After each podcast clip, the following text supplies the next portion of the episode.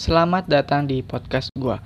Kali ini ada sinetron baru yang lumayan banyak dicari, baik itu di Google dan di Instagram, yaitu dari Jendela SMP.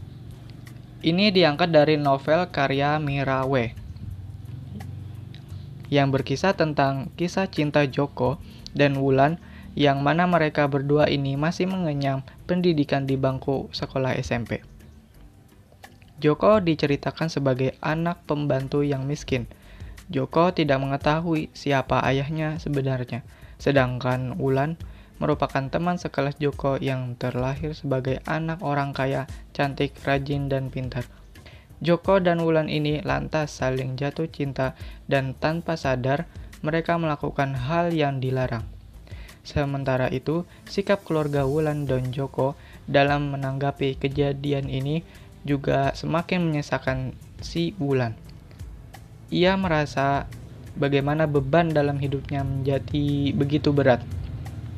Berarti ini kurang lebih sama seperti film Dua Garis Biru, sama-sama sekolah dan melakukan hal yang terlarang. Namun belum diketahui pasti kapan tanggal penayangan perdananya. Oke, terima kasih sudah mendengarkan podcast gua. See you.